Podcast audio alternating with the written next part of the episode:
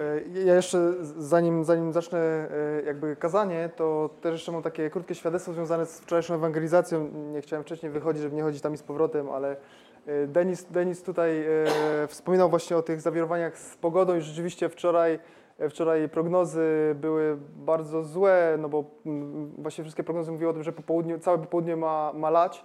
No i mieliśmy w sumie wątpliwości, czy, czy w ogóle jest sens jechać do przyczyny, wychodzić gdziekolwiek. No ale zdecydowaliśmy, że pojedziemy. I słuchajcie, ja wyjeżdżałem samochodem, jak wyjeżdżałem z Kobiura, to, to lało, nie? Po prostu lało. Natomiast jak wjeżdżałem już na rynek w Pszczynie, to, yy, to przestawało padać. Potem mieliśmy trzy godziny naprawdę idealnej pogody, bo tyle tam spędziliśmy. Natomiast jak wyjeżdżaliśmy z rynku, to zaczynało kropić, potem już lało właściwie do wieczora, nie? Cały wieczór. Także naprawdę chwała Panu Bogu za to, że, że to się udało, że udało się wczoraj wyjść. I, i, I bardzo mu dziękuję za to, że wysłuchał modlitw naszych, waszych też dziękuję Wam bardzo za, za modlitwy. A dzisiaj, dzisiaj chciałbym, żebyśmy e, skupili się na chwilę na jednej z postaci Starego Testamentu. To w sumie, tak jak Grzegorz wspominałeś, tak mi się skojarzyło, że właściwie e, o tym sportowcu, jak wspominałeś, to dzisiaj też będziemy mówić o takiej szczególnej osobie, która, e, która też wiedziała, że za nią stoi Bóg i z tego powodu wydawało się, że może wszystko, że wszystko jej się uda, bardzo, bardzo ciekawa, y, taka barwna postać i też dość kontrowersyjna. A mianowicie chodzi mi o Samsona, jednego z sędziów starotestamentowych. Y, I właśnie dzisiaj chciałem prześledzić jego, jego życie, jego, jego historię i zobaczyć, co możemy, możemy sobie z niej, czego możemy się z niej dowiedzieć, czego możemy się nauczyć. E, taką też trochę inspiracją dla mnie do tego, żeby w ogóle gdzieś tam zająć się tym tematem coś więcej, zagłębić się, było to, że czytałem z dziećmi tą historię o Samsonie. No i tak jak czytam z dziećmi, to lubię im potem jakoś powiedzieć, jakoś powiedzieć, no wiecie, no to znaczy ta historia, że trzeba na przykład robić tak, albo zachowywać się w taki sposób, żeby wyciągnąć z tego jakieś, jakieś wnioski, tak, czegoś ich nauczyć. Natomiast po przeczytaniu historii o Samsonie miałem z tym bardzo duży problem, bo tam, jest tak, tam się dzieją tak dziwne rzeczy i tak trudne do zrozumienia, że no po prostu miałem z tym problem, więc stwierdziłem, że chyba trzeba się mocniej zagłębić, żeby zrozumieć, co tam w ogóle się dzieje. Także dzisiaj y, zachęcam Was do tego, żeby śledzić jakby ten tekst w Bibliach. Natomiast ja nie będę czytał tego, y, tej historii. To są cztery rozdziały, tego jest dość dużo i po prostu zajęłoby to zbyt dużo czasu.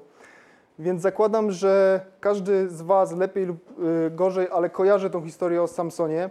Jeżeli nie, to przeczytajcie sobie ją później, kiedyś, yy, no bo dzisiaj po prostu na to nie będzie czasu. Ja będę tak jakby tylko przypominał pewne najważniejsze wydarzenia i odwoływał się troszkę do waszej pamięci yy, jakby z konieczności. Mm, na początek jeszcze, zanim zaczniemy mówić, yy, przejdziemy do Samsona, to jeszcze takie krótkie przypomnienie dotyczące w ogóle Księgi Sędziów nawet jeszcze wcześniej, w, no, w Księdze Powtórzonego Prawa y, jest, są zapisane słowa Mojżesza, kiedy kieruje do Izraela y, no, takie no, dość, dość sławne słowa, błogosławieństwa i przekleństwa, kiedy, kiedy można je jakby podsumować i streścić w taki sposób, że mówi Izraelitom, jeżeli będziecie, jeżeli będziecie Panu Bogu posłuszni, będziecie słuchali Jego głosu, przestrzegali Jego, Jego prawa, to będzie Wam dobrze, będę Wam błogosławił, Pan Bóg będzie Wam błogosławił, będziecie zadowoleni. No ale jeżeli odejdziecie od Pana Boga, jeżeli, jeżeli sprzeciwicie się Jego woli, będziecie łamać Jego przykazania, no to poniesiecie tego y, konsekwencje, wtedy spotka Was przekleństwo.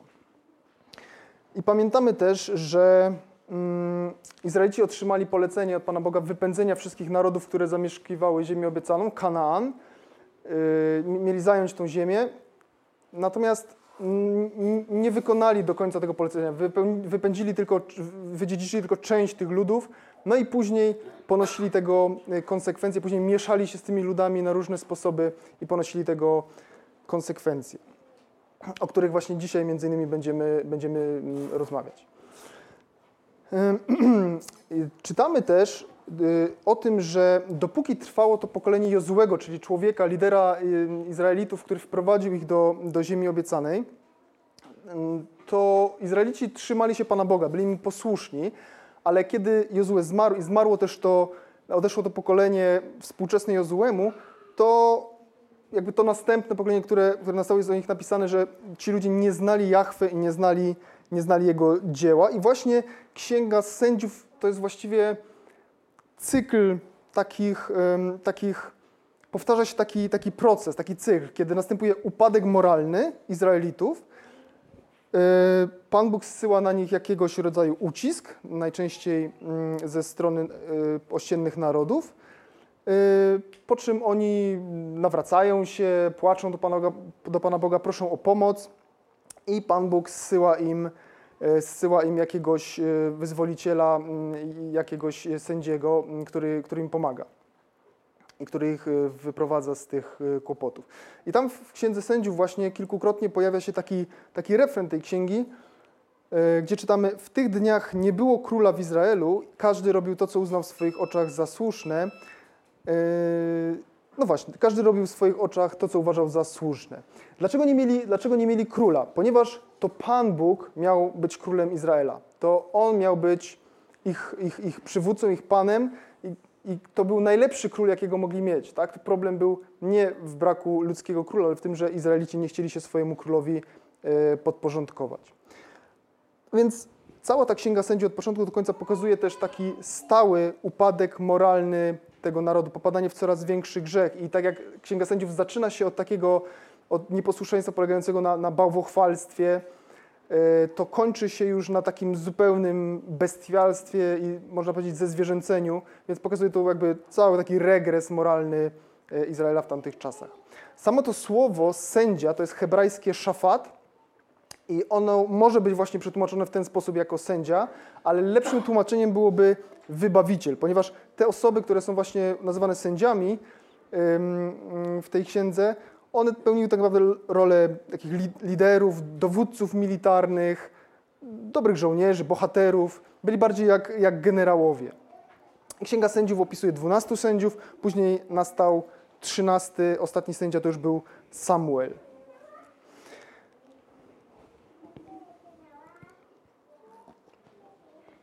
Jeszcze jedna rzecz, takiego przypomnienia, zanim dojdziemy do Samsona bo chciałem też pokrótce przypomnieć historię Gedeona.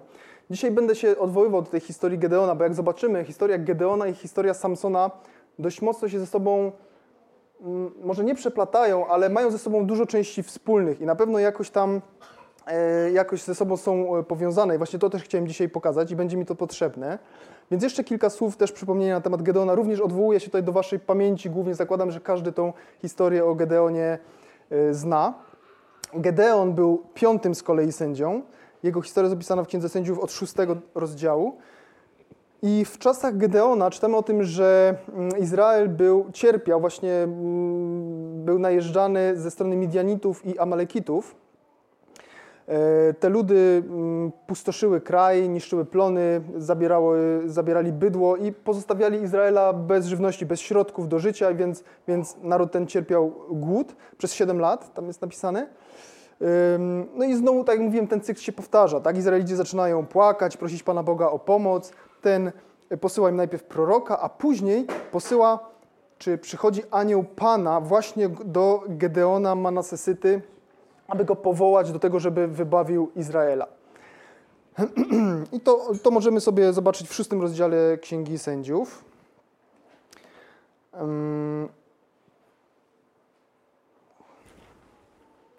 I tu może przeczytam jedenasty i dwunasty werset. Ponadto anioł Pana przybył i usiadł w owsze pod dębem Joasza Abiezeryty. Jego syn Gedeon wyklepywał właśnie w tłocznie winnej pszenicę, chcąc ją ukryć przed Midianitami. Wtedy ukazał mu się anioł Pana i tak przymówił do niego, Pan z tobą, dzielny wojowniku. Tutaj czytaliśmy, że Gedeon y, akurat wyklepywał pszenicę w tłoczni. Tłocznia to było takie zagłębienie w ziemi, to była dziura w ziemi po prostu, w której tłoczyły się winogrona, więc było to dość kiepskie miejsce do tego, żeby wyklepywać tam pszenicę. Zazwyczaj pszenicę wyklepywało się na jakimś wzniesieniu, gdzie wiatr od razu te plewy mógł rozwiewać i oczyszczać to ziarno, więc, więc to było dość nietypowe miejsce. Gedeon po prostu chował się tam przed, y, przed oprawcami, przed najeźdźcami. Bał się, żeby go nie zauważyli, nie zabrali mu tego, tego plonu, nad którym pracował. Więc te słowa anioła do Gedeona, o dzielny wojowniku, to one są takie dość ironiczne, bo właśnie to, co robił, gdzie to robił, wyraźnie pokazywał na tym, że y, można o nim było powiedzieć wszystko, ale na pewno nie, że był dzielny. Natomiast no, Gedeon nie, nie złapał tej ironii, zaczął narzekać, że jakże on może wybawić Izraela, że przecież jest najmniejszy swojego rodu. Natomiast to, co ten anioł Pana miał na myśli, to, czy, czy, czy bardziej jaki to miał, to miał bardziej taki prorocki sens, mówił raczej o tym, kim Gedeon miał się stać przyszłości, kim miał zostać dla Izraela. I właśnie kolejne wydarzenia bardzo dobrze charakteryzują e, Gedeona, bo e, pomimo, że ten anioł Pana dwukrotnie zapewnia go, że na pewno wybawi Izraela, to on wciąż prosi o jakieś potwierdzenie, o, jak, o, o, jakiś znak, który zresztą otrzymuje w postaci ponadnaturalnego spalenia ofiary, też zniknięcia tego anioła na jego, na jego oczach. E, później pamiętamy też te wydarzenia z runem Gedeona, kiedy znowu już jest zebrane wojsko po to, żeby walczyć z Midianitami. I, ale Gedeon znowu pyta Pana Boga, czy na pewno uda mi się pokonać Midianitów, czy, czy, czy, czy na pewno mi się to uda. I prosi o ten znak, że runo ma być wilgotne, ziemia obok sucha, później, później na odwrót. I Pan Bóg znowu daje mu ten, daje mu ten znak. Więc yy, ostatecznie rzeczywiście Pan Bóg w cudowny sposób, używając Gedeona, Y, pokonuje Midianitów, używając tylko 300 wojowników, do tego, żeby to było takie jasne i wyraźne, że to jest Boża interwencja i że to dzięki Panu Bogu y, udało się Izraela wyzwolić. I potem jest, czyli jakby te, te wydarzenia, to jak jest opisana osoba Gedeona, pokazuje nam wyraźnie, że on był taki, jemu brakowało wiary, jemu brakowało takiej pewności siebie, mm, brakowało mu takiej wiary w słowa Boga. Nie? Cały czas musiał być upewniany. Był takim raczej słabym, lękliwym człowiekiem. Później Pan Bóg pozwala mu wyzwolić Izraela, staje się rzeczywiście takim liderem i przywódcą, na jakiego został powołany. I później w e, ósmym rozdziale, 22-23 wersecie czytamy o tym, że Gedeon otrzymał ofertę zostania królem. Od innych Izraelitów otrzymał ofertę zostania królem, ale Gedeon odmawia i wszystkie e, te zasługi związane z, pokonaniem Midianitów przypisuje Panu Bogu i Jemu przypisuje władzę, mówi, że to Pan Bóg jest królem Izraela i że On nim nie zostanie. A to będzie, to będzie y, później bardzo istotne, dlatego o tym mówię. Więc tą historię Gedeona możemy podsumować, to jest taka historia od słabości do siły. Tak jak mówiłem, Gedeon był człowiekiem takim słabym, ułomnym, lękliwym, ale Pan Bóg doprowadził go do momentu, kiedy stał się naprawdę, naprawdę silny i naprawdę odniósł no, fenomenalne zwycięstwo. Taka historia od tchórza do zwycięzcy. Tyle przypomnienia o Gedeonie. I teraz przejdźmy już do Samsona. Samson był z kolei dwunastym sędzią. I znowu, y, jak mógłbym prosić, mam kilka slajdów, jak mógłbym prosić ich wyświetlenie.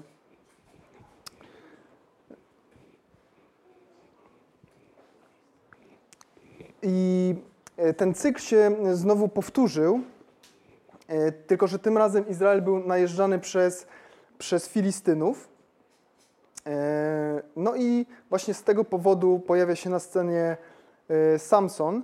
I zaczyna się historia właśnie bardzo podobnie, jak było to w przypadku Gedeona, bo znowu ta osoba, która jest nazwana Anioł Pana, przychodzi, ale tym razem nie do Samsona, tylko do rodziców Samsona.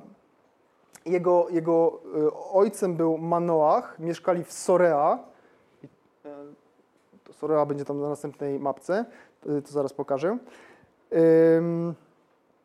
I jego tato miał na imię Manoach, natomiast pierwszy raz ten anioł Pana przychodzi do jego żony, która była długo bezpłodna, nie miała, nie miała dzieci e, i oznajmia mamie Samsona, że będzie miała, będzie miała dziecko, będzie miała syna i że ten syn wyzwoli Izraela właśnie spod władzy Filistynów. Przy tym, e, przy tym nakazuje jej przestrzegać pewnych konkretnych wymagań żywieniowych, to znaczy e, zakazuje jej jeść nieczystych pokarmów i również za zabrania picia alkoholu. E, a także mówi o tym, że ten syn, który się narodzi, będzie Bożym Nazyrejczykiem. O tym i o Samsonie czytamy w 13 rozdziale, możecie sobie tam prze, otworzyć 13 rozdział i to jest, to jest piąty werset, który o tym mówi. Czym był Nazireat? E, w księdze liczb w szóstym rozdziale są wypisane konkretne wymagania, które mm, dotyczyły właśnie Nazyrejczyków. Właściwie były trzy podstawowe, były trzy punkty, których taki Nazyrejczyk powinien przestrzegać. Po pierwsze, nie mógł dotykać zwłok, żadnego martwego ciała. Po drugie, nie mógł pić alkoholu i w ogóle spożywać mm, winogron. I po trzecie, Nazarejczycy mieli zakaz golenia włosów i brody. I to słowo nazir z hebrajskiego oznacza po prostu poświęcony. W Biblii mamy też inne przypadki Nazyrejczyków, na przykład Samuel albo Jan Chrzciciel również byli, byli e, takimi osobami. E, I właśnie, właśnie to, ta rola Nazyrejczyka, mm, ona, ona wskazuje na takie oddzielenie danej osoby, danego człowieka do zadań specjalnych dla Pana Boga. Również to, że właśnie ta mama, y, mama Samsona miała przestrzegać tych y, również podobnych przepisów, również pokazuje to, że on został przeznaczony do pewnego specjalnego zadania.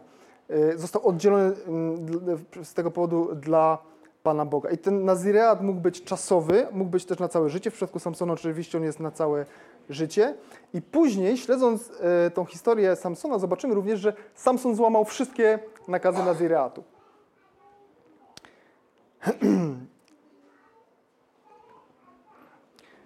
Jaki jeszcze jest e, taki, jak, jak możemy rozumieć taki prorocki sens tego nazireatu? E, jaki to miało sens dla Izraela? Myślę że, myślę, że Pan Bóg w ten sposób też pokazywał im, że to właśnie dla Izraela jest takim, taką drogą powrotu do społeczności e, z Panem Bogiem. To znaczy takie oddzielenie się od nieczystości, bo jakby te przepisy Nazeratu symbolizowały taką rytualną czystość, więc oddzielenie się od grzechu, oddzielenie się od nieczystości, które popełniają.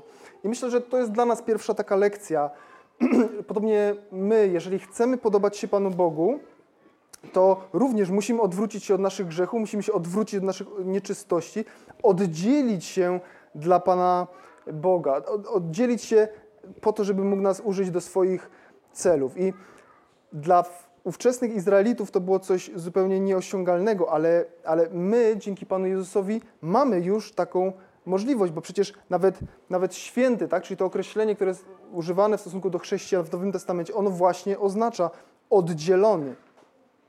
Właśnie w taki sposób możemy my zostać Nazyrejczykami. Jeżeli oddzielimy się dla Boga, oddzielimy się od tego świata, oddzielimy się od nieczystości tego świata i będziemy kimś wyjątkowym dla Pana Boga. To, co dla Izraelitów było niemożliwe, to, co w ich przypadku było pewnym szczególnym wyjątkiem, dla nas jest dostępne. Podobnie jest na przykład z kapłaństwem. Tak? Kapłani również byli, tylko szczególne osoby były namaszczone na kapłanów i mogły pełnić tą rolę. E, reszta Izraelitów nie. Dzisiaj o osobach wierzących w Jezusa jest powiedziane, że również są kapłanami. Więc, więc myślę, że taki jest sens tego nazyreatu e, Samsona.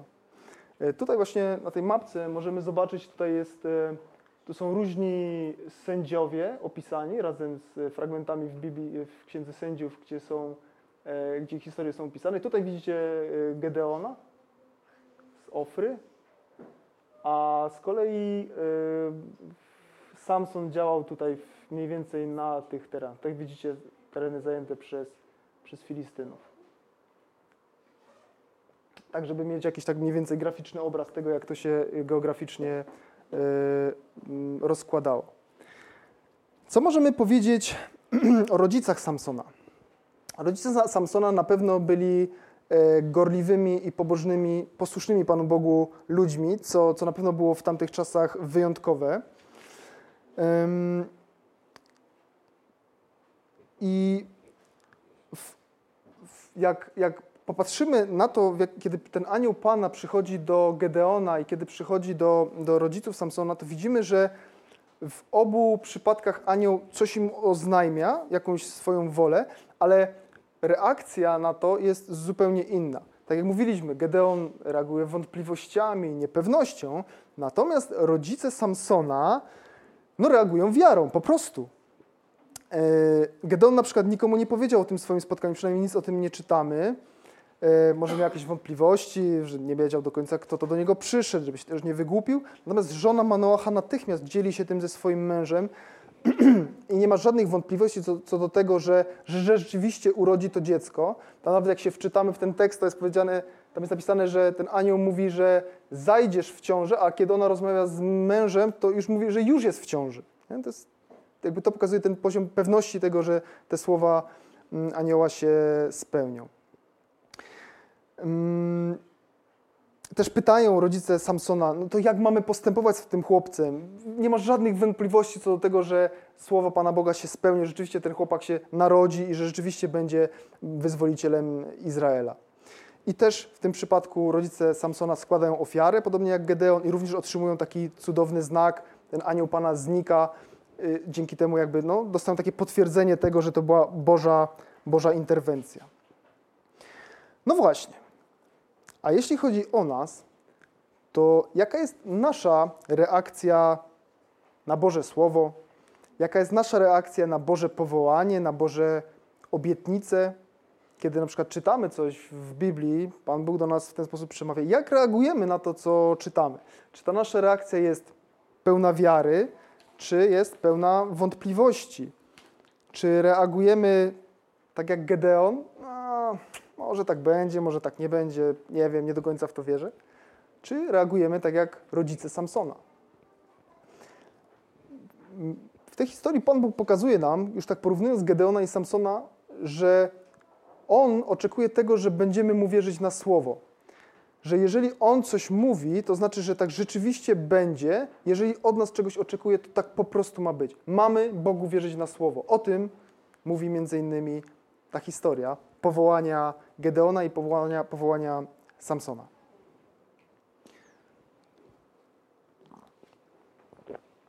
Poproszę następny slajd. I teraz możemy przejść do 14 rozdziału, gdzie, jest, gdzie już pojawia się Samson. Jest opisana pierwsza historia z jego udziałem, historia jego małżeństwa. O, tutaj jest mapka jakby samego tego obszaru działania Samsona, także tutaj pewne kluczowe miejscowości się pojawiają i na przykład tutaj, ona jest po angielsku, także te nazwy są troszkę inne, ale to jest Sorea, czyli to jest miejsce jakby urodzenia Samsona i, i, i mieszka zamieszkania jego rodziców. Natomiast teraz przeniesiemy się do Timny, to już było miasto filistyńskie w tamtych czasach, ponieważ w Timnie Samson znalazł swoją wybrankę, kandydatkę na żonę.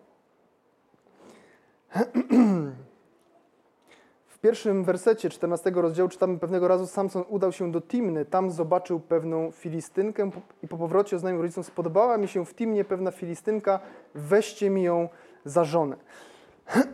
Pamiętamy, że prawo mojżeszowe zabraniało małżeństw y, mieszanych. Izraelici nie mogli się mieszać z innymi narodami y, w ten sposób. I później też zobaczymy to i pamiętamy z historii e, Samsona, że później kobiety filistyńskie staną się główną przyczyną jego, jego problemów. Dlaczego Samson w ogóle chciał, chciał się ożenić z Filistynką? No, w trzecim wersecie czytamy jakby tą jego motywację bardzo poważną. Czytamy tam, że po prostu była odpowiednia w jego oczach. I tyle. Rodzice byli temu e, przedsięwzięciu przeciwni, ale najwyraźniej no, nie mogli się do końca sprzeciwić synowi, nie mają wyboru i ostatecznie no, jakby zgadzają się na, na taki e, obrót spraw. E, I w wersecie czwartym czytamy coś bardzo ciekawego. Ojciec i matka nie uświadamiali sobie, że, właśnie, że właściwie wyszło to od Pana, że szuka powodu do wystąpienia przeciw Filistynom. W tym czasie bowiem to oni rządzili w Izraelu. Czyli tak, z jednej strony małżeństwa mieszane są zabronione w Izraelu, ale z drugiej strony jakoby wychodzi to od Pana. Dlaczego, dlaczego tak się mogło stać, że Pan Bóg dopuszcza, żeby Samson wszedł w związek małżeński z Filistynką? Czy to, czy to rzeczywiście jest zgodne z jego wolą i czy to rzeczywiście jest jego sposób na rozpoczęcie wojny z Filistynami? Nie jestem wcale o tym przekonany. Ponieważ jeżeli porównamy znowu e, historię Samsona z Gedeonem, to widzimy, że Gedeon ogólnie czekał na to, co powie mu Pan Bóg. Na przykład jego pierwsze zadanie, zadanie Gedeona to było to, żeby ściąć Aszerę jego ojca, e, które to polecenie Gedeon e, otrzymał, ale to było wyraźne polecenie od Pana Boga. Natomiast Samson, w kontraście do tego, najwyraźniej sam wie, co robić. Sam podejmuje inicjatywę. W tym przypadku podejmuje inicjatywę kierowany po prostu swoim popędem, wcale nie radząc się Pana Boga, przynajmniej nie znajdujemy tutaj tego śladu, yy, śladu tego w Biblii. Czy to możliwe, żeby Pan Bóg pobudził Samsona do grzechu, żeby e, wykonać swoją wolę? No raczej nie. No, przynajmniej mnie się to nie zgadza z charakterem Pana Boga, który, który znam. Myślę, że Pan Bóg raczej miał inny plan na to, żeby, żeby wyzwolić Izraela z, z władzy Filistynów, czy, czy, czy spowodować wojnę z Filistynami. Ale Samson wcale nie czeka na jego wolę, podejmuje własną inicjatywę, a Pan Bóg po prostu mu na to pozwala, tak jak zazwyczaj się dzieje. No przecież jesteśmy wolni, tak? Mamy wolną wolę. Jeżeli uprzemy się, żeby zgrzeszyć, zrobić coś niezgodnego z wolą Pana Boga, to On nam po prostu no, zazwyczaj na to pozwoli. I tak właśnie zrobił Samson. Samson był niecierpliwy. Samson był niecierpliwy.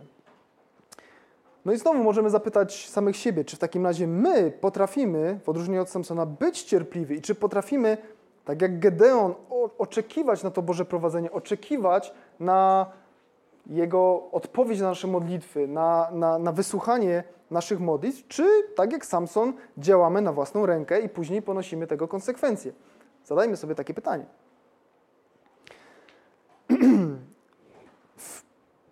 Później w wersetach od 5 do 9 czytamy o tym, że kiedy Samson z rodzicami szedł do Timny, właśnie żeby zapoznać się z tą swoją wybranką, to zaatakował, Samsona zaatakował lew, wtedy pierwszy raz e, no, czytamy o tym, że Pan Bóg opanował go duch Pana, dał mu ogromną siłę, dzięki czemu gołymi rękami pokonał tego lwa, rozdarł go jak, jak rozdziela się e, koźle. E, więc pierwszy raz tutaj spotykamy się z tą siłą Samsona i później, kiedy po jakimś czasie Samson wraca już do Timny po to, żeby pojąć za żonę swoją wybrankę. Prawdopodobnie było to mniej więcej po roku, ponieważ zazwyczaj tyle czasu mijało od zaręczyn do, do ślubu w tamtym czasie. Um, idzie zobaczyć, co stało się z tymi szczątkami lwa i odkrywa, że we wnętrznościach tego lwa, w środku tego, tego ciała, zagnieździły się pszczoły i, i jest tam miód, który po prostu wziął i, i, i zjadł odkrył taką, taką mm, ciekawostkę. Zauważcie, że żeby to zrobić, żeby wydobyć ten miód z wnętrza tego lwa, musiał dotknąć martwego ciała, co było zabronione przez prawo Nazireatu, tak? Więc to jest pierwszy przypadek, kiedy Samson łamie to prawo. Nie powiedział też o tym rodzicom. Może rodzice byli bardziej rygorystyczni, jeśli chodzi o przestrzeganie Nazyreatu niż Samson. W każdym razie nie podzielił się tym z rodzicami. I następna historia, o której czytamy w tym rozdziale, wersety od 10 do 19, to już jest wesele Samsona. I tam ważną rzeczą jest to, że do towarzystwa zostało mu przypisanych 30 towarzyszy, tak, y, tak, tak oni są nazwani. Możemy się zastanawiać, dlaczego tych 30 Filistynów zostało no, jakby przydzielonych Samsonowi. E, prawdopodobnie po prostu znali jakoś charakter i narodowość Samsona, więc po prostu pełnili rolę takich, e, takich ochroniarzy. Też czytałem gdzieś, że w tamtych czasach jakby był taki zwyczaj, że e, druchowie towarzyszyli nowożeńcom, czyli jakby przyjaciele nowożeńców, natomiast mm, to małżeństwo Samsona z Filistynką było na tyle niepopularne w tamtych czasach ze względu na to, że, że pochodziła no właśnie z Filistynów, że po prostu jego, jego przyjaciele nie, nie chcieli z nim wziąć udziału w tym, w tym weselu, ale to są tylko takie, takie spekulacje, ciekawostki. I co się, co się dzieje? w czternastym wersecie czytamy o tym, że Samson zadał tym swoim towarzyszom pewną bardzo szczególną e, zagadkę. E, to, to, to, też zdarzało się w tamtych czasach, to, to, był popularny zwyczaj, można powiedzieć. I czytamy w 14 wersecie, że Samson powiedział tak, tym swoim towarzyszom. Ta zagadka brzmiała tak. Z jedzącego wyszło jadło, a z mocnego słodycz. I tam umówili się, że jeżeli oni odgadną tą zagadkę, to Samson da im 30 odświetnych szat. Jeżeli nie odgadną, to oni będą musieli dać Samsonowi 30, 30 szat. Nie jest jasno też napisane, dlaczego Samson w ogóle taką zagadkę zadał. Możemy się tego troszkę tylko domyślać z kontekstu. Możemy przypuszczać, że no było, to, było to wesele, tak? była to impreza. Mm, całkiem możliwe, że, że Samson y, nie, że Samson korzystał tam po prostu z wina, z alkoholu, być może po prostu y, był pod wpływem alkoholu, lekko cyknięty, tak jak to się czasem mówi. I dlatego fantazja jakby go poniosła i dlatego chciał w ten sposób dokuczyć trochę tym swoim towarzyszom i zadał im tą, zadał im tą zagadkę, na którą oni się zgodzili. Nie wiemy tego do, dokładnie, możemy się tego tylko domyślać. Wiemy natomiast z tekstu, że ci towarzysze mieli ogromny problem z tym, żeby tą zagadkę e, odgadnąć, odgadnąć i dlatego zaczęli żony e, Samsona prosić o jego o zdradzenie im wyjaśnienia, a ona z kolei prosiła swojego męża, żeby jej to zdradził. I czytamy, że tak długo go męczyła, tak długo wierciła mu dziurę w brzuchu, że w końcu Samson nie wytrzymał, zdradził jej to wyjaśnienie, rozwiązanie tej zagadki. Ona z kolei przekazała swoim, swoim kolegom, tym towarzyszom Samsona. No i oni siódmego dnia przyszli i no, powiedzieli Samsonowi, że chodzi właśnie o tego lwa, którego mm, spotkał po drodze i o pszczoły, które odkrył miód, który odkrył w jego wnętrzu. Też e, ważna jest tutaj taka, taka sprawa, że ci towarzysze mm, Samsona grozili, grozili jego żonie tym, że spalą jej dom, jeżeli nie odkryje tego rozwiązania i, i im go mm, nie, nie, nie powie. E, zgrozili, że spalą jej dom i, i spalą jego ojca, jej ojca. To jeszcze też będzie później e, istotne. W jaki sposób Samson reaguje na całą tą sytuację? no, reaguje bardzo gwałtownie. Reaguje bardzo gwałtownie i wyprawia się do Aszkelonu. Czytamy, że zawładnął nim duch Pana, wybrał się do Aszkelonu, czyli to jest tutaj. Ta odległość z Timny do Aszkelonu to jest ponad 30 kilometrów. Czyli był dość zawzięty. Wydaje się, że 30 km to jest wystarczająco, żeby ochłonąć i przestać się gniewać, ale nie dla Samsona. E, nie wiemy dokładnie, dlaczego akurat wybrał się do Aszkelonu. Można się domyśleć, że też może odbywało się tam jakieś inne wesele albo inna duża uroczystość ku czci jakiegoś bóstwa. No bo skąd, y, skąd by się tam wzięło tyle osób odświętnie ubranych? W każdym razie czytamy o tym, że zabił 30 Filistyńczyków, zdarł z nich odświętne szaty e, i w ten sposób zdobył łup, którym mógł spłacić swój, swój zakład.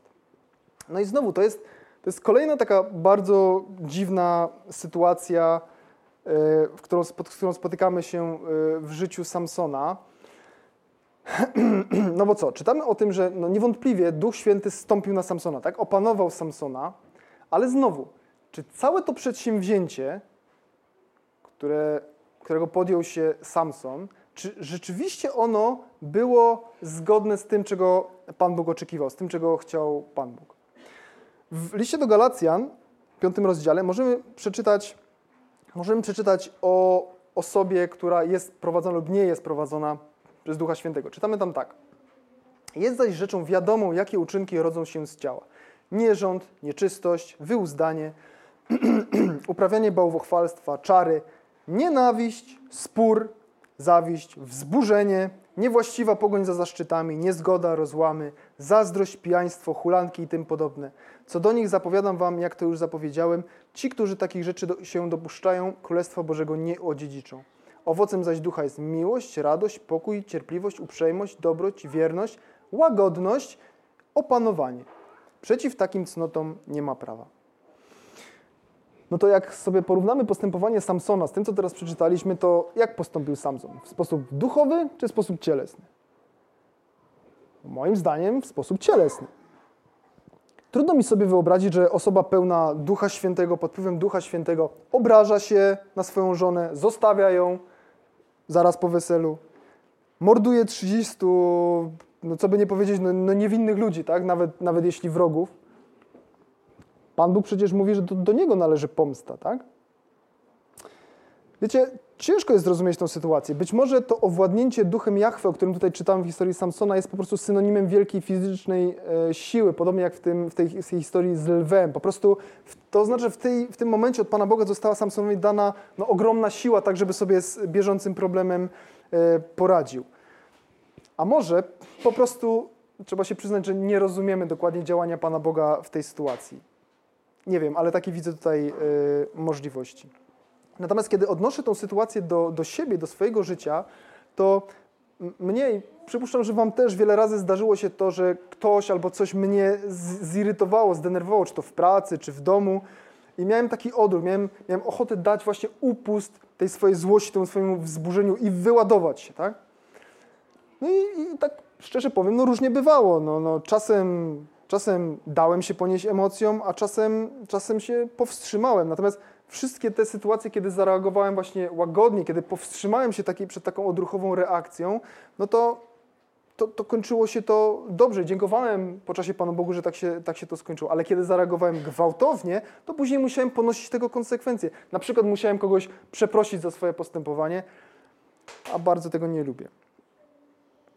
I my, tak myślę sobie, że my jako chrześcijanie, którzy jesteśmy napełnieni Bożym Duchem, nie powinniśmy pozwalać, i ta historia też to pokazuje, nie powinniśmy pozwalać na to, aby negatywne emocje kontrolowały nasze, nasze zachowanie. To właśnie, na ile, kiedy się pojawiają te negatywne emocje, kiedy się pojawiają, e, kiedy pojawia się taka pokusa do, do takiego złego reagowania, złego zachowania, jak wtedy się rzeczywiście zachowamy, to jest takim, takim, taką miarą tego, na ile jesteśmy rzeczywiście poddani Duchowi Świętemu. Natomiast Samson, moim zdaniem, po prostu daje się ponieść gniewowi, zamiast znowu czekać na Boże rozstrzygnięcie, na Boże prowadzenie i później ponosi tego konsekwencje. Jakie konsekwencje? No, gdyby ktoś zrobił taki ranking najgorsze wesela wszechczasów, to na pewno wesele Samsona byłoby bardzo wysoko w tym zestawieniu. E, I znowu, już o tym wspominałem, tak? Y, Gedeon czekał na polecenia Pana Boga, czekał na Boże prowadzenie. Samson wiedział, że Pan Bóg jest z nim, że stoi za nim i robił, co uważał. Nie czekał wcale na Boże prowadzenie. Zero myślenia, maksimum siły. Co dzieje się dalej? 15 rozdział.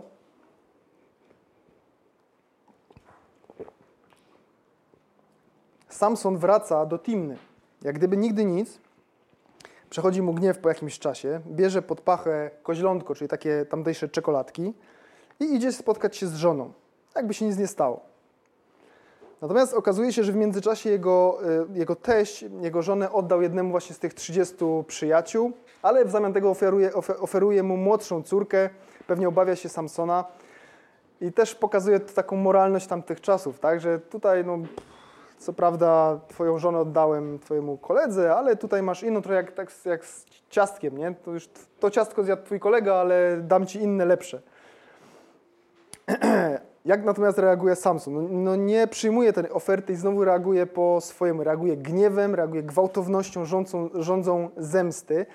Nie wiem, czego się po tym swoim wybruku na weselu spodziewał. No i mści się na Filistynach. To w tym czwartym wersecie 15 rozdziału yy, czytamy łapie lisy, czy właściwie mm, mówiąc dokładnie, to, to były szakale, związuje je ogonami, przywiązuje pochodnie do tych ich ogonów i puszcza je w uprawy Filistynów, przez co pali, niszczy e, ich e, uprawy. To powoduje taką samonapędzającą się spiralę przemocy, bo Filistyni z kolei przychodzą do domu teścia Samsona i palą dom jego teścia razem z jego żoną i jego teściem.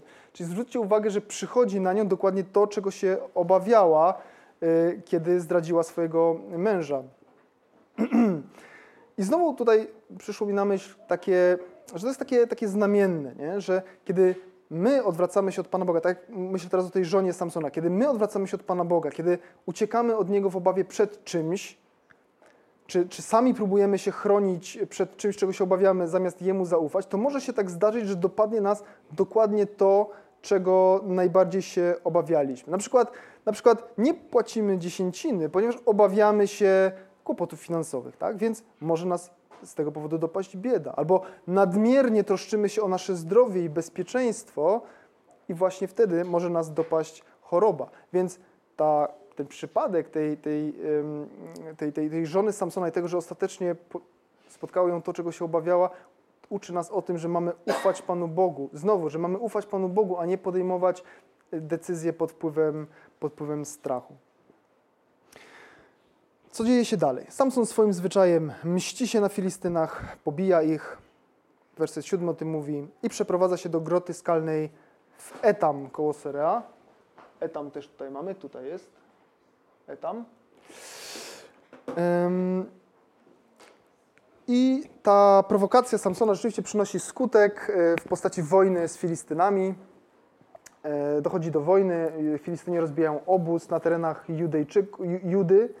Natomiast Judejczycy nie chcą walczyć z Filistynami. Kiedy dowiadują się, że Filistynom chodzi tylko o Samsona, chcą im go, chcą im go wydać. Rzeczywiście tego dochodzi. Samson daje się związać i zaprowadzić do, do Filistynów. Natomiast kiedy spotyka się z Filistynami, to, to już 14 werset jest, czytamy o tym, że znowu opanował go duch Pana, wziął oślą szczękę, która tam leżała i pokonuje, zabija samodzielnie tysiąc, tysiąc osób, osób spośród tych Filistynów. I później po tym wielkim zwycięstwie śpiewa taką e, ciekawą piosenkę. To jest 16 werset, to już jest drugi przykład poezji Samsona, który dzisiaj czytamy zaśpiewał tak po, po tej bitwie. Na koniec zawołał: Pod szczęką osła padł osioł na osłach, pod szczęką osła tysiąc mi się nie ostał. Czyli jak patrzymy sobie na treść tego, co powiedział, tej przyśpiewki, którą skomponował, to komu Samson przypisuje zwycięstwo w tej bitwie? On tam mówi o sobie, prawda? To mi się nie ostał ten tysiąc. I natychmiast po tym wydarzeniu przychodzi, przychodzi taka sytuacja, kiedy e, dopada Samsona ogromne pragnienie, chce mu się pić. I z tego powodu ogarnia go słabość. On tam mówi, że, e, że, że obawia się, że przez to wpadnie w ręce Filistynów, więc dopiero wtedy Pan Bóg zmienia, czy zmienia się jego sposób myślenia. Dopiero wtedy uznaje się przed Bogiem zasługę, przyjmuje, przyznaje Bogu to zwycięstwo i Bóg w cudowny sposób reaguje na jego modlitwę i rozszczepia skałę, z której wypływa źródło. Po raz kolejny ratuje Samsona z opresji.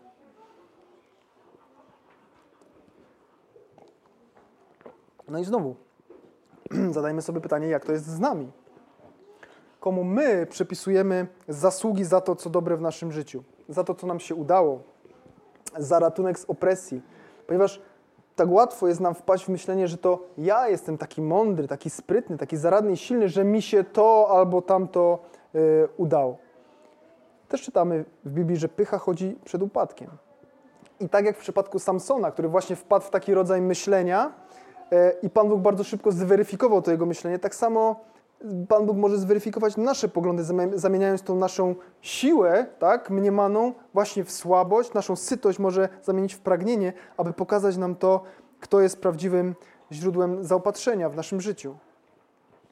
Pan Jezus powiedział kiedyś takie słowa: Ja jestem krzewem winnym, wy latoroślami. Kto trwa we mnie, a ja w nim, ten przynosi owoc obfity, ponieważ beze mnie nic nie możecie uczynić. To jest w Ewangelii Jana. I tutaj ta sytuacja to jest takie pierwsze napomnienie, taki pierwszy przytyczek dla Samsona, że jego sposób myślenia nie jest właściwy. Na szczęście Samson zmienia to swoje myślenie, Pan Bóg go ratuje. I teraz przechodzimy do rozdziału 16. Tu jest taka na początku krótka historia o, o tym, co zdarzyło się w Gazie. Gaza to jest inne, Aszkelon to było oczywiście miasto filistyńskie, Gaza jest kolejnym miastem e, filistyńskim tutaj.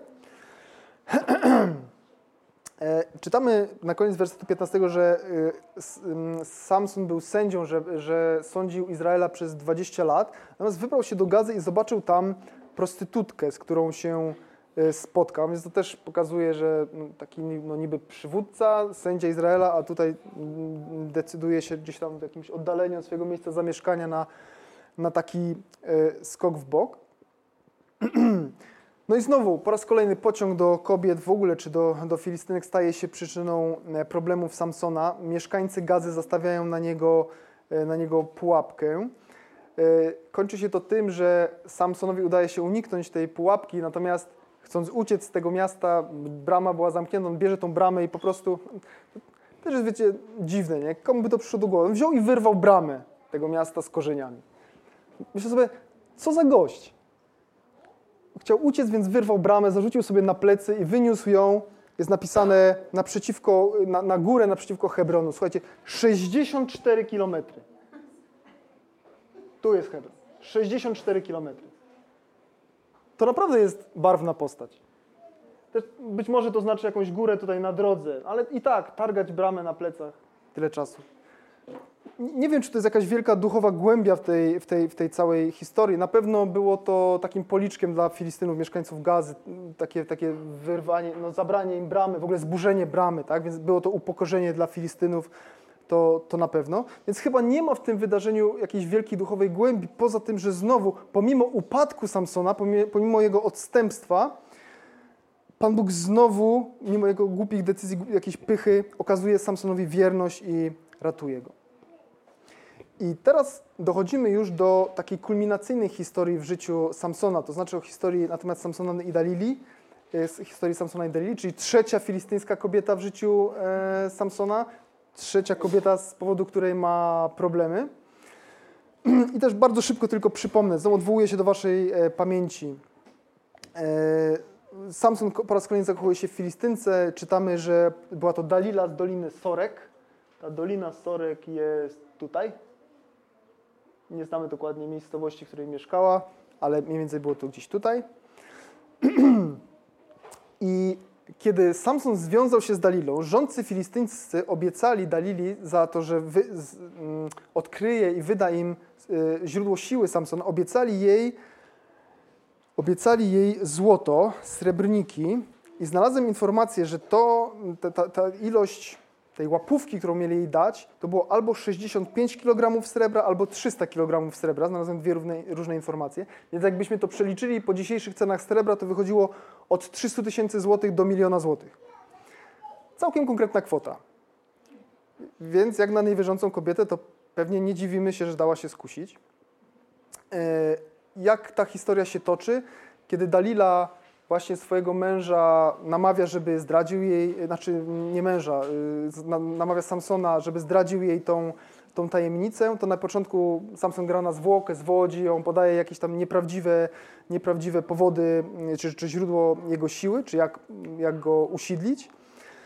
E, natomiast też czytamy w 16-17 wersji, że w końcu tak mu przekrzyła życie, znowu tak mu wierciła dziurę w brzuchu, tak nie dała mu żyć, że w końcu wyjawia jej swój sekret. I mówi o tym, że to, przez to, że nigdy jego włosy nie zostały ogolone, to, to stąd jakby to jest sekret jego siły. I ta sytuacja, wiecie, przy żonie Samsona było to samo, tak? Ona również takim, takim, takim tak męcząc go, jakby cały czas prosząc go o coś, uprzykrzyła mu życie i wyciągnęła od niego to, co chciała. Tak samo Dalila, ten sam proces, ten sam cykl się powtarza. I tutaj przyszło mi do głowy tak, taki wniosek z tej historii. Zobaczcie, jak bardzo ważne jest to, żeby najbliższa nam osoba była osobą wierzącą. Jak bardzo ważne jest to, aby żony czy męża właśnie szukać wśród osób wierzących, wśród osób, dla których Pan Bóg jest osobą najważniejszą. W drugim liście do Koryntian czytamy takie słowa Pawła: Nie wprzęgajcie się z niewierzącymi w jedno jarzmo. Cóż bowiem ma wspólnego sprawiedliwość z niesprawiedliwością, albo cóż ma wspólnego światło z ciemnością? To są właśnie kryteria doboru współmałżonka. Współmałżonek po prostu powinien być osobą wierzącą.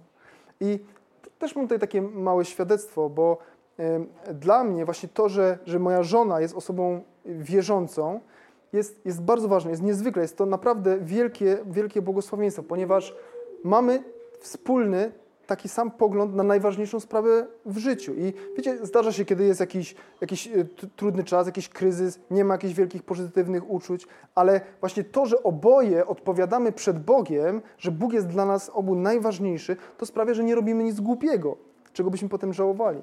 Ale żona Samsona albo Dalila one nie znały Boga, one, one tak nie postąpiły.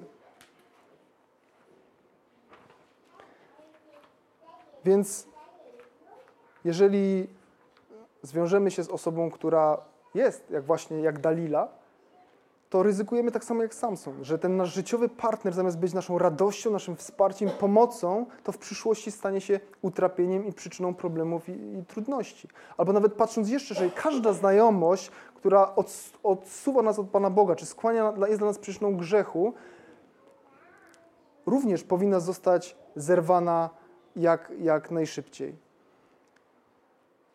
I te gierki Samsona z Dalilą, to takie zwodzenie jej, to poddawanie takiego fałszywego źródła siły Samsona, ono też pokazuje pewną duchową prawdę, którą myślę, że też, też znacie, że wiemy czasem, czujemy to, że Panu Bogu w naszym życiu coś się nie podoba, że jakaś osoba, jakiś nawyk, jakaś przyjemność, coś, co jest dla nas ważne, to jest coś, co jest dla nas ważne, ale odsuwa nas od Pana Boga, albo nawet przywodzi nas do grzechu.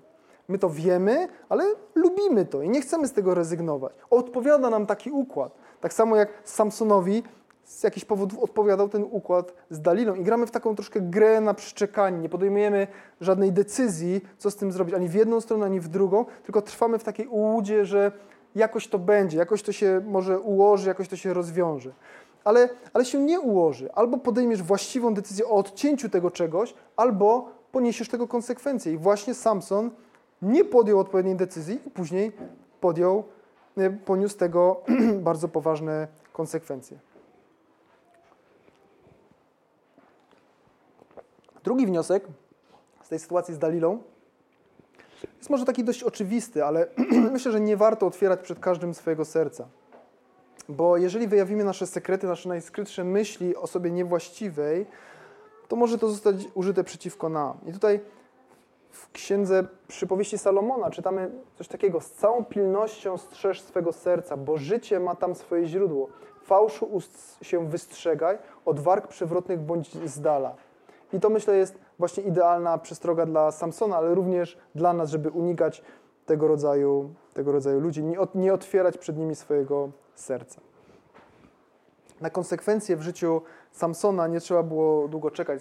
Dalila go uśpiła, rzeczywiście ktoś ogolił jego włosy, mm, Filistyni go pojmali i, e, i uwięzili. Wyłupili mu oczy e, i zaprzęgli go do mielenia ziarna, więc, więc e, mm, no, spotkał go straszny los. Zauważmy, że to, kiedy jego włosy zostały zgolone, to było po raz złamał ostatnią zasadę Nazireatu. Mówiliśmy już o dotykaniu martwego ciała, mówiliśmy już o spożywaniu alkoholu i to jest złamał trzecią zasadę Nazireatu. I też czytamy tutaj o tym, że w tym momencie Pan Bóg od niego odstąpił. To jest 20 werset, staje się, od 19 do 20 wersetu 16 rozdziału. A więc Pan Bóg odstąpił od Samsona. Bóg się odsunął. Tym razem postanowił, że już nie będzie go więcej ratował przed jego głupotą, i pozwala ponieść Samsonowi konsekwencje jego wyborów i jego decyzji. Zobaczcie, że to jest też bardzo ważny przykład dla naszego chrześcijańskiego życia, ponieważ e, wiemy o tym, że Pan Bóg jest każdym, z każdym swoim dzieckiem, prawda? Pan Bóg jest przy nas, jest z nami, pomaga nam. Ale jeśli Go nie słuchamy, jeśli łamiemy Jego zasady, jeżeli popełniamy zło, to On również w pewnym momencie może od nas odstąpić. Co to znaczy? To nie znaczy, że, e, że nas porzuci i zostawi nas na zawsze. I tak samo nie było też w przypadku Samsona, ale odstąpi od nas, to znaczy powie: Chcesz postępować po swojemu? Proszę bardzo, ponieś tego konsekwencje. I tak jak mówiłem, te konsekwencje dla Samsona są no, fatalne. I kiedy mogłoby się już wydawać, że to jest właściwie koniec tej historii, koniec Samsona, Pan Bóg robi coś niesamowitego. Podczas uroczystości na cześć Dagona, również w Gazie, bo tam został uwięziony, Filistyni sprowadzają Samsona, aby z niego się pośmiać, aby ich, aby ich zabawiał. I Samson każe się postawić w tej świątyni Dagona między dwoma filarami podtrzymującymi konstrukcję. Opiera się o nie i po raz ostatni prosi Pana Boga o pomoc, a może trzeba powiedzieć po raz pierwszy tak naprawdę prosi Pana Boga o pomoc, napiera e, rękoma na te filary i w ten sposób burzy cały ten budynek. Ten budynek się zawala i grzebie pod e, gruzami zarówno siebie, jak i swoich wrogów. I czytamy tutaj, że samych ludzi siedzących na dachu było, było 3000. Też, też można przeczytać, że ludzi, których uśmiercił w ten sposób było więcej niż przez całe swoje życie. Co możemy powiedzieć o końcówce życia Samsona? Może pomijając jakąś moralną ocenę e, samobójstwa, to jednak musimy pamiętać o tym, że to, to musimy powiedzieć, że Samson skończył dobrze, no bo na tej imprezie była zebrana cała, cała filistyńska śmietanka, wszyscy rządcy, wszyscy bogaci, wpływowi ludzie i na pewno to, że oni zginęli, sparaliżowało państwo filistyńskie na, na wiele lat, a więc Samson poświęcił swoje życie, ostatecznie Samson poświęcił swoje życie na to, aby uratować swój naród, u, u, uratować swoich braci od władzy Filistynów. A więc jego ostatni uczynek był lepszy niż wszystkie poprzednie. I ten czas klęski, nędzy, upodlenia w więzieniu, który nie wiemy jak długo trwał, pozwolił Samsonowi przemyśleć pewne sprawy i po, pozwolił mu powrócić na właściwe tory zależności od Pana Boga. Tak naprawdę ten moment dopiero przywiódł y, Samsona do wiary. Zobaczcie, że bardzo że podobna sytuacja miała miejsce w życiu Pana Jezusa. On również oddał swoje życie za nas. Tak jak Samson oddał swoje życie, aby uratować Izraelitów od największych wrogów, tak samo Pan Jezus oddał swoje życie, aby uratować nas od naszego największego wroga, czyli grzechu. Przecież nie musiał tego robić. A nie mówimy o nim wcale, że popełnił samobójstwo. Mówimy, że raczej oddał swoje życie za coś, co było ważniejsze. Podsumowując, poproszę następny slajd, ostatni już.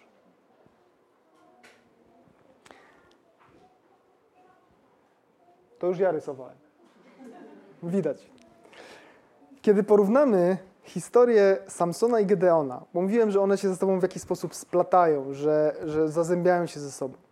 W historii Gedeona widzimy to, że, czy możemy przeczytać to, że Pan Bóg oczekuje tego, aby mu wierzyć na słowo, ale Gedeon cały czas potrzebował znaków i potrzebował potwierdzenia tego, że rzeczywiście Pan Bóg jest z nim. Samson zupełnie inaczej. Samson nikogo ani niczego nie potrzebował, ponieważ on sam wiedział, co ma robić. A więc tą historię Gedeona moglibyśmy tak podsumować, czy narysować nawet jako taką właśnie podróż od słabości do mocy. Tak? Ale historia Samsona to już jest historia od mocy, od przekonania o własnej nieomylności i um, niezniszczalności do kompletnego upodlenia i upadku, prawda? I musimy też powiedzieć, że ani jeden, ani drugi nie są ideałem, który powinniśmy naśladować. Ale myślę, że jeden i drugi Pan, jeden i drugi z tych bohaterów e, biblijnych i bohaterów wiary też, jak nazywa ich autor listu do Hebrajczyków, pokazują nam to, że każdy z nas jest gdzieś pomiędzy Gedeonem i Samsonem, że życie każdego, znaczy wiara każdego z nas jest gdzieś również na tej skali pomiędzy Gedeonem i Samsonem. Um, widzicie też to, że Pan Bóg do swoich celów używa grzesznych ludzi, bo gdyby tak nie było, to zupełnie nie miałby z kogo skorzystać. I też patrząc na tą historię Gedeona i Samsona, możemy wyciągnąć takie wnioski, że przede wszystkim nikt z nas nie jest ani zbyt słaby, ani zbyt silny na to, aby mógł, aby Pan Bóg nie mógł go y, użyć. Jeżeli tacy trudni ludzie, mm, tacy upadający ludzie jak Samson i Gedeon, z wieloma wadami mogliby zostać użyci przez Pana Boga, to tym bardziej my możemy zostać przez Niego użyci. Ale, ale Pan Bóg musi wykonać w nas pewną pracę i te strzałki pokazują właśnie tą pracę, którą Pan Bóg wykonywał w życiu e, jednego i drugiego człowieka. Więc też my też te, te, te rzeczy, przez które przechodzimy, jakieś trudności, doświadczenia, w ogóle nasze życie, musimy też na nie patrząc jako na pewien proces wychowawczy, który Pan Bóg przeprowadza w naszym życiu. Tak samo jak w przypadku Gedeona, którego musiał nauczyć wiary, i Samsona, którego musiał nauczyć pokory.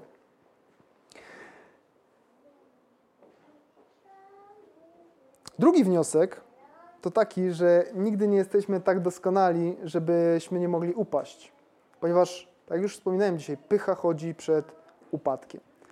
I o tym jeszcze nie mówiliśmy. Trochę wrócimy na koniec do Gedeona tu się pojawia jakaś taka dziwna strzałka.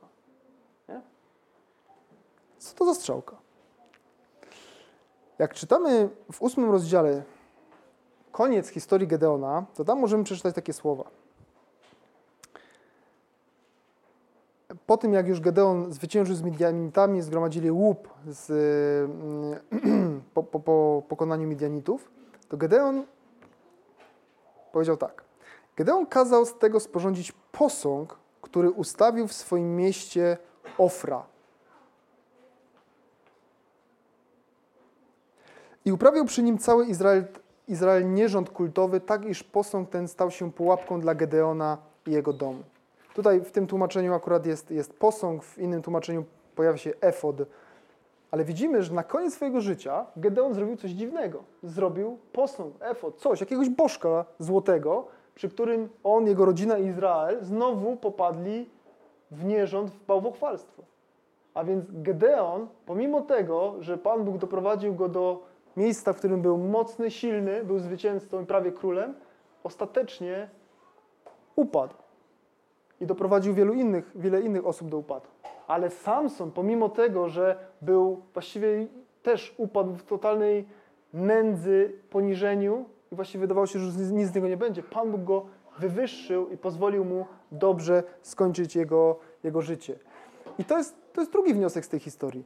Nigdy nie jesteśmy w takiej nędzy, żeby Pan Bóg nas nie mógł podnieść i byśmy nie mogli skończyć tak dobrze jak Samson. Ale też nigdy nie jesteśmy tak dobrze i tak blisko Pana Boga, żeby nie mógł przyjść grzech, żebyśmy nie mogli upaść i ostatecznie skończyć tak jak Gedeon.